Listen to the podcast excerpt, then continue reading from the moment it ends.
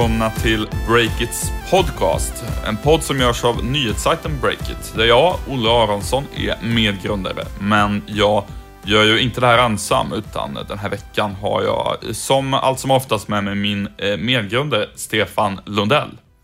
Hur är livet som entreprenör så här eh, en vecka i början av november, Stefan?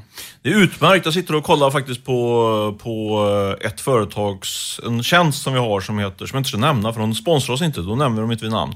Men de trackar hur det ser ut på besöksstatistiken och den ser väldigt bra ut på sajten. Då blir man ju eh, varm om hjärtat. Vi går ju mot en ny rekordvecka, ännu en rekordvecka, så det känns bra. Samtidigt lite kluvet att man är så, lite fixerad vid den här besöksstatistiken, eller vad säger du? Ja, jag måste säga att jag känner likadant där. Visst, man är glad nu, men man vet ju om det ser, eh, om det ser dystert ut i trafiksiffrorna kommer man må minst lika dåligt som man mår bra nu över det.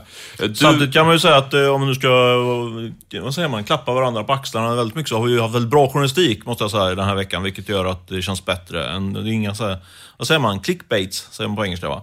Har det inte varit direkt va? Eller? Så? Verkligen, ja. det, det har verkligen inte varit clickbait, utan det har varit substans. Eh, du är på substans. I det här avsnittet ska vi prata om varför eh, storhetstiden snart kan vara över för Schibsteds Blocket-kloner. Eh, samt eh, om vad som kommer att hända med svenska hälsostartups i spåren av Theranos-härvan i USA. Men först så har du, Stefan, en rak nyhet kring Eh, skandalbolaget Trustbuddy, peer-to-peer lånebolaget även kallat. Precis, skandalbolaget får man väl ändå säga att det är efter all, alla turer som varit där. Ni känner säkert till det, ni som lyssnar på den här podden. Eh, Finansinspektionen drog in eh, vad ska man säga, det tillfälliga tillståndet och eh, bolaget är nu försatt i konkurs. Eh, och nyheten som jag kan leverera, vi pratade ju en del om, eh, nämnde jag i alla fall tror jag, den gamle vdn och grundaren Jens Glasö, norrmannen som jag hade förgäves sökt. Och eh, det som jag har fått fram kring honom och eh, bolaget nu är att han, man skulle kunna säga att han går lite grann till, till motattack. Eh, den gamla styrelsen har ju polisanmält tre personer från vad som har hänt i, kring Trustbody. Och då, man vet inte vilka de där tre är, men det är klart, är man vd och grundat ett bolag och har slutat ganska hastigt så, så riktas en del misstankar kanske åt det hållet. Eh, men så är inte fallet. Eh, jag har tagit del av en, en norska medieuppgifter som säger, refererar till, till Jens Glasus advokat och han säger att han inte är en av de här tre misstänkta, vilket jag är jag tycker det var intressant eh, nyhet. Eh, sen har vi också drivit fram en, en egen nyhet och det är just att, eh, att Jens Glasö faktiskt stämmer Trustbody på dryga två miljoner. Det är en, eh, han fick ju sparken eh, för en, eh, en tid sedan, eller var det var typ något år sedan nu tror jag. Och han hävdar att han inte fick, om jag, om jag förstår mejlkonspiransen rätt där som jag tagit del av från norska tingsrätten så, så går han med på att han fick sparken men, men att han ska sluta. Men det är oklart vilken tidpunkt han ska sluta. Så han kräver nu extra pengar från Trustbuddy och det kommer ju bli i slutändan då eh, konkursboet då som man, som man riktar de här kraven mot. Eh, det var lite uppdatering kring Trustbuddy. Vi håller koll på dem där och det lär bli fler nyheter på breakit.se kring, kring vad som händer i den där härvan. Men du, om vi ska rikta blicken eh, över pölen, säger man va? Över Atlanten, eh, så har det ju hänt en hel del där kring betydligt större bolag än Trustbuddy. Det är ju ett antal börsnoterade techbolag som har kommit med sådana här rapporter och du har ju legat på där och läst dem eh, i realtid och droppat in på kvällarna. Vad, vad, vad noterar du på den här fronten kring eh, techbolagen? Um, ja, uh, nu har ju alla de stora amerikanska bolagen levererat sina kvartalsrapporter och um, summariskt kan man säga att alla var bättre än förväntat. Någonting som stack ut mer än uh, något annat, skulle du säga? Uh, Amazon är det bolag som imponerade mest att döma både av kommentarerna efteråt och vad jag själv kunde notera i rapporten. Och det som alla pratar om nu i Amazon, det är ju att deras ehm, eh, molntjänst för bland annat lagring av data, eh, Amazon Web Services, som riktar sig till andra företag, det är på väg att bli en viktigare del av deras business än själva e-handeln som Amazon annars eh, är känt för. Eh, annars har väl nyhetsflödet dominerats av förvärvet där Activision Blizzard köper svenska King för 50 miljarder. Eh, det mesta är väl redan sagt om det, men en sak att fundera på där är eh, om det här med mobilspelsbranschen nu blir ännu mer låst i toppen, så att säga. Vad tänker du då på? Nej, men så här. Just nu ser det ut så att det är några få aktörer, King, finländska Supercell bland annat, som har parkerat i toppen eh, bland de appar, eller de, bland de mobilspel som drar in mest pengar i världen. Eh, Supercell, de ägs ju till en majoritet av ehm, det japanska konglomeratet Softbank och King ägs då snart med väldigt hög sannolikhet av Activision Blizzard. Um, och det här innebär ju att det är väldigt stora, tunga företag som äger de här eh, mobilspelsföretagen som parkerar på toppen på listorna och kan eh, lägga massa pengar på marknadsföring för att stanna kvar där uppe i toppen. Och eh, det talar väl liksom för att eh, det blir ännu svårare för en liten aktör att slå sig in på den här marknaden som börjar bli lite oligopolliknande nästan som det är med, med mobiloperatörer till exempel.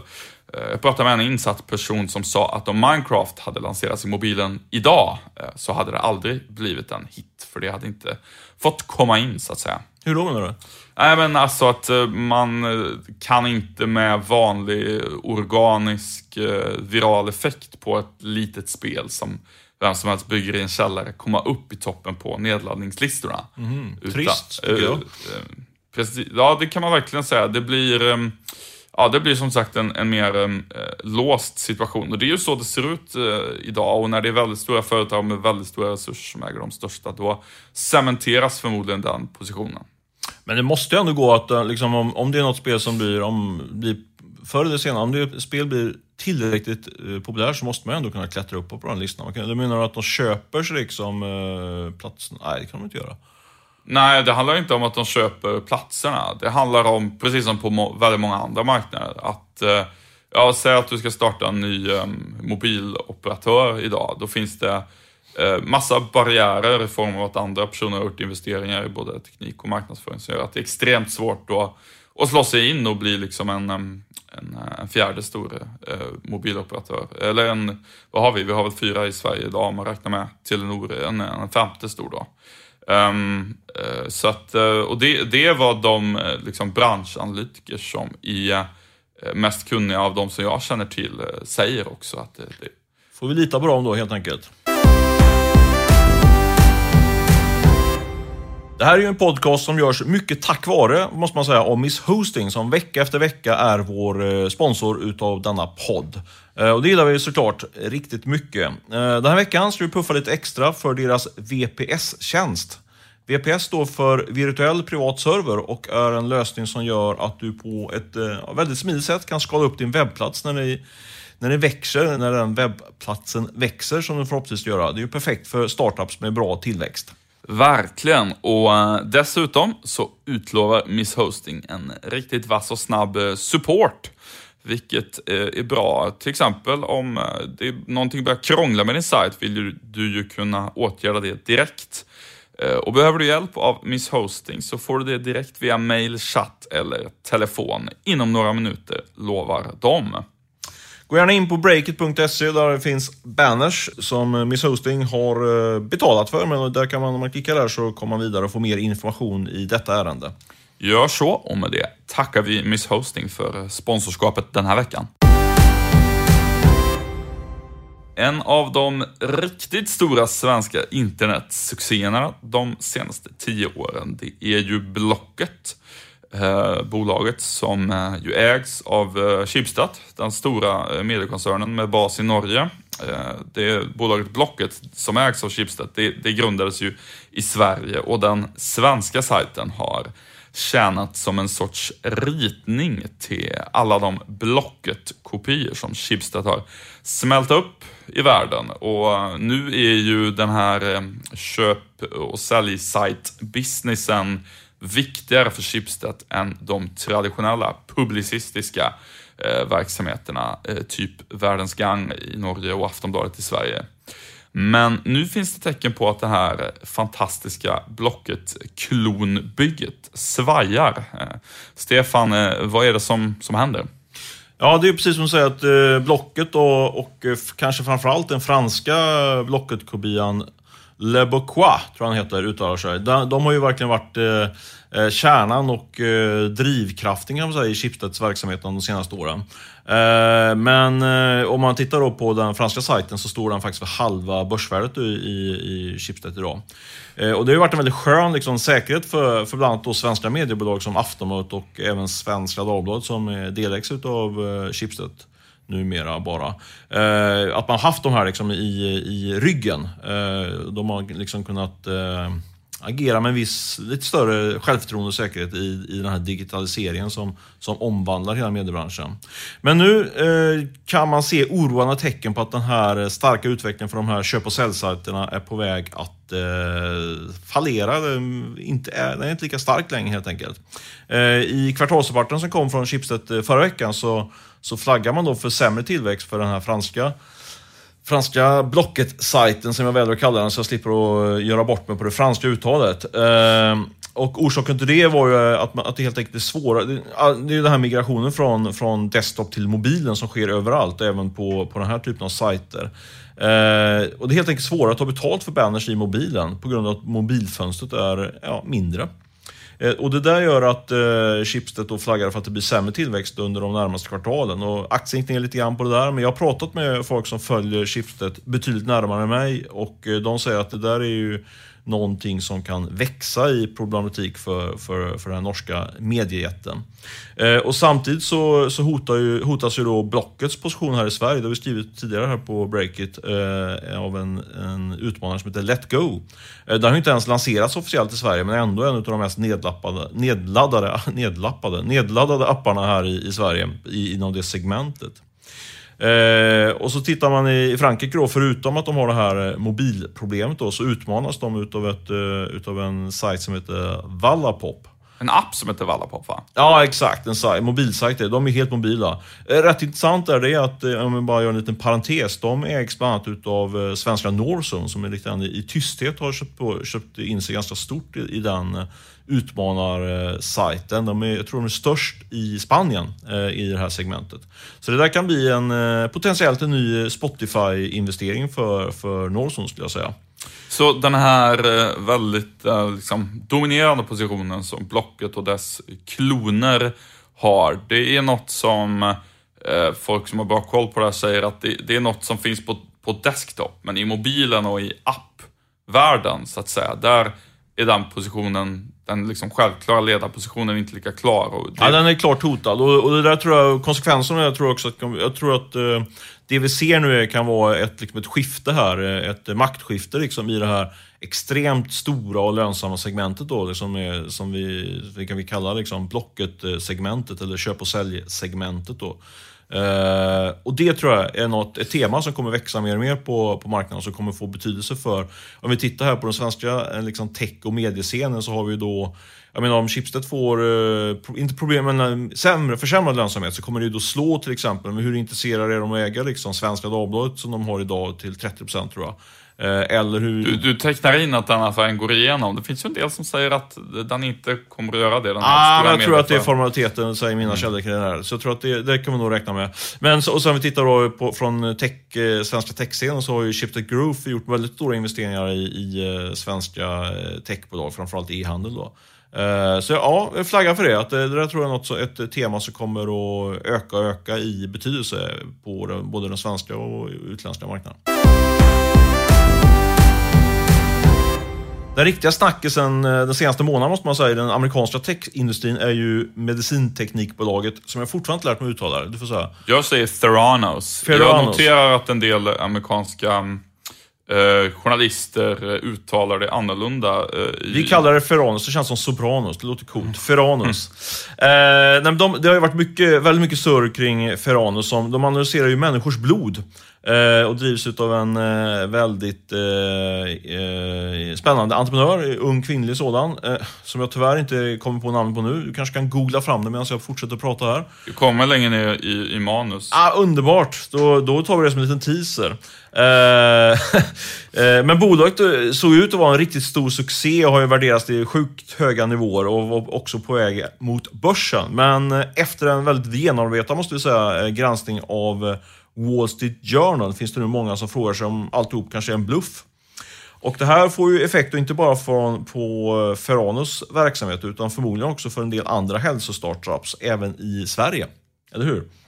Vi ska ju komma tillbaka till det om en stund, men du kan väl dra eh, lite kort bakgrunden bara vad som hänt då kring Ferranos så vi också får reda på vad eh, den här eminenta entreprenören, eller om hon nu var så eminent, vi får se. Ja, Elizabeth Holmes heter hon och eh, bolaget som en del kallar Theranos, men som jag eh, lite europeifierar uttalet på, det är värderat till eh, 10 miljarder dollar. Och eh, innovationen då är att eh, Theranos, ehm, nu sviktar vi på den här uttalsfrågan här, eh, säger sig kunna eh, genomföra världens första eh, nålfria eh, blodprov. Där en enda droppe blod kan användas till att göra ungefär 100 olika blodtester, eller till och med fler, snabbare och billigare än idag.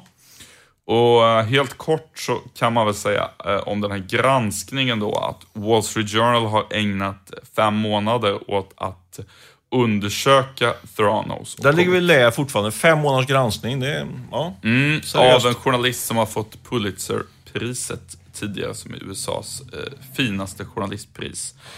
Um, och eh, Den här undersökningen har då kommit fram till att eh, maskinerna inte håller vad de lovar. Det blir fel i testerna och de kan inte alls testa så här många olika saker och dessutom då att Ther Theranos ska ha undanhållit sanningen kring det.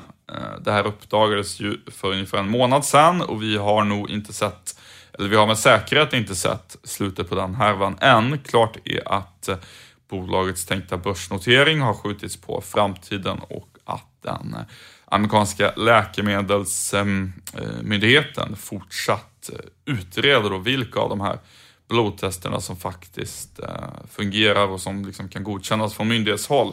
Ja, hittills är det bara ett enda test som har godkänts, det är för herpes. Men de har ytterligare hundra, ett hundratal som väntar på att eventuellt godkännas. Uh, ja, det är en spännande, spännande affär det här, eller härva får man säga, att följa här från, från vår horisont. Eh, eventuellt är det också lite otäck historia om alltihop visar sig vara en bluff. Jag menar, då, det är någonting som kommer skaka USA. Men vad innebär det här för, för, för svenska tech och startups, skulle du säga, i, eh, som verkar i samma bransch? Uh, ja, man kan väl börja med att man inte ska göra några direkta jämförelser med Theranos, men vi kan konstatera att vi har en en eh, rad företag i Sverige som har liknande verksamhet och som eh, förstås nu får myndigheternas ögon på sig i högre grad. Eh, vi kan väl gå igenom dem. Mm. Och de som vi känner till i alla fall. Det är tre stycken. Blodkollen har vi skrivit om på Breakit. De lanserades i februari och gör det möjligt att beställa 33 olika analyser på ett blodprov. Eh, och det är någonting som man gör liksom en eh, beställning online, men sen går man till en fysisk klinik, får provet och sen får du hem själva eh, testerna i, i ett digitalt gränssnitt. och det är ju knappast direkt otillåtet. Det blir mer som ett användargränssnitt ovanpå vården. Det är ju liksom inte ett helt annat sätt att göra själva blodprovet på. Och sen har vi Verlabs som är lite liknande. det är också att man beställer och liksom ser sina analyser på nätet men själva provet tar man på ett provlag, provtagningsställe och det här sker i samarbete med Karolinskas universitetslaboratorium. Uh, och eh, man får också en läkarkommentar med det. Uh, båda de här bolagen ska vi säga har tagit in mindre såddrundor i riskkapital. Eh, men vi kan väl säga liksom att det är inte jättekontroversiellt ändå att när det är ett vanligt blodprov som sker på en vanlig klinik, eh, då är det inte jättekontroversiellt att folk kan gå in och titta på analyser av de här proverna digitalt hemma och det är heller inte riktigt lika banbrytande då som Theranos eh, teknik potentiellt är. Men så har vi ytterligare ett bolag som vi fick ett pressmeddelande ifrån häromdagen som har en lite annan modell.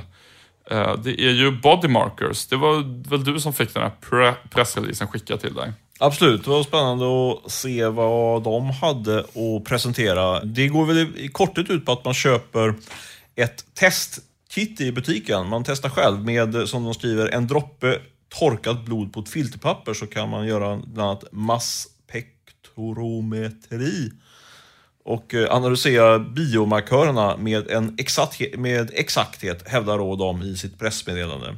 Man gör alltså testet själv och skickar in till ett laboratorium för att få reda på om du har tillräckligt mycket D-vitamin i kroppen.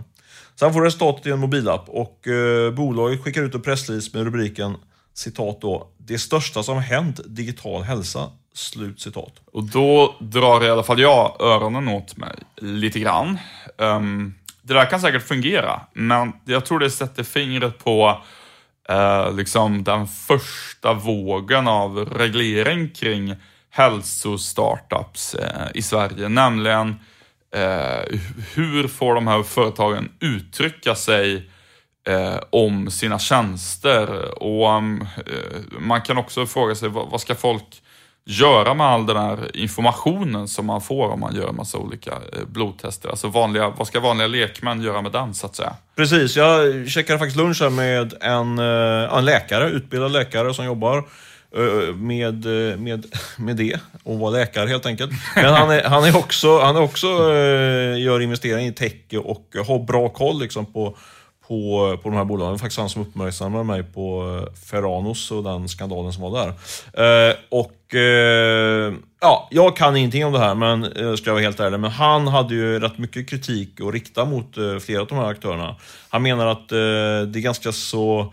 Alltså visst, man kan göra de här testerna, men det är ganska meningslöst. Man kan inte dra så mycket slutsatser om man inte får hjälp från, från en läkare. Och framförallt kan jämföra de resultaten som, eh, som jag får från mitt blodtest med, med andra i, liknande i, i samma, vad säga, samma målgrupp eller samma samma profil av person och sådär. Eh, det var hans take på det här och det lägger jag nog en del vikt på faktiskt. Att det, att, eh, det kanske inte är helt, eh, vad ska man säga, det är tufft att säga inte seriöst. Men ja, man kan nog resa en del frågetecken kring, här, kring vissa av de här bolagens verksamhet. Ja, och jag tror att eh, den första vågen av eh, liksom, eh, reglering kring såna här hälsostartups nu i Sverige, det kommer bli kring hur de marknadsför sig, Eh, vad de kallar sig, hur de kommunicerar. Eh, frågan är om, eh, om det liksom är okej okay att skriva i en pressrelease att man är det största som har hänt inom digital hälsa när man går ut och, och berättar om den här sortens tjänst för, ehm, för allmänheten. Eh, och ett exempel på ett företag som ehm, redan har självreglerat sig själv på den här punkten, det är ju Natural Cycles som är ehm, ett av de mest uppmärksammade techbolagen inom hälsa i Sverige eh, senaste året.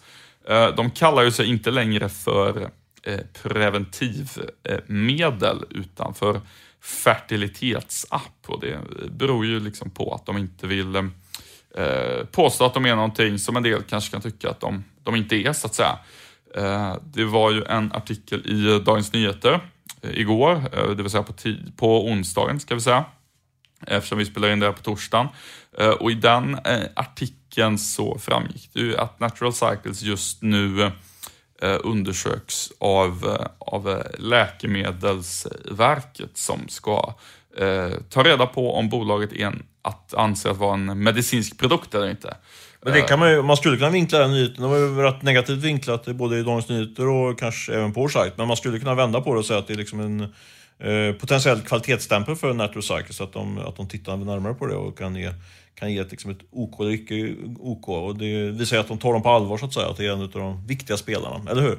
Precis, och det där tror jag kommer gälla den här branschen i, i stort. Det blir lite så som det alltid är, att först lanseras det massa startups och det är lite grann ett laglöst land och sen så kommer det regleringar och då försvinner de oseriösa spelarna och de seriösa blir kvar men i en mer reglerad form vad gäller marknadsföring och, och lite allt möjligt. Så att ehm, eh, det är väl ändå med en relativt eh, optimistisk tongång av det slaget som vi kan avsluta den här podden. Eller, eller vad säger du?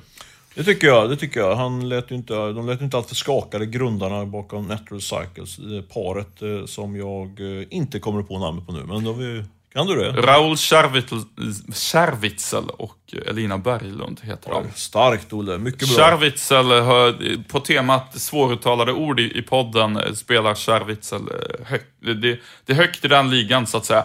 Du, eh, vi ska väl runda av då och säga att den här podden klipptes och spelades in av Beppo ljudproduktion. Fortsätt följa vad vi gör på breakit.se via sociala medier eller sajten. Stefan, har du något annat du vill tillägga innan vi um, avslutar? Nej, det har jag inte. Utan det är bara att fortsätta att komma in på vår sajt hela tiden så, så ta, slår vi nya rekord. Uh, ja, det är inte så roligt för er att höra, men det sa jag ändå i alla fall. Ni, lyssna på oss nästa vecka och så lovar jag att komma på någon mycket mer initierad och rolig avslutning på den podden. Ha det så bra! Ha det gott! Hej!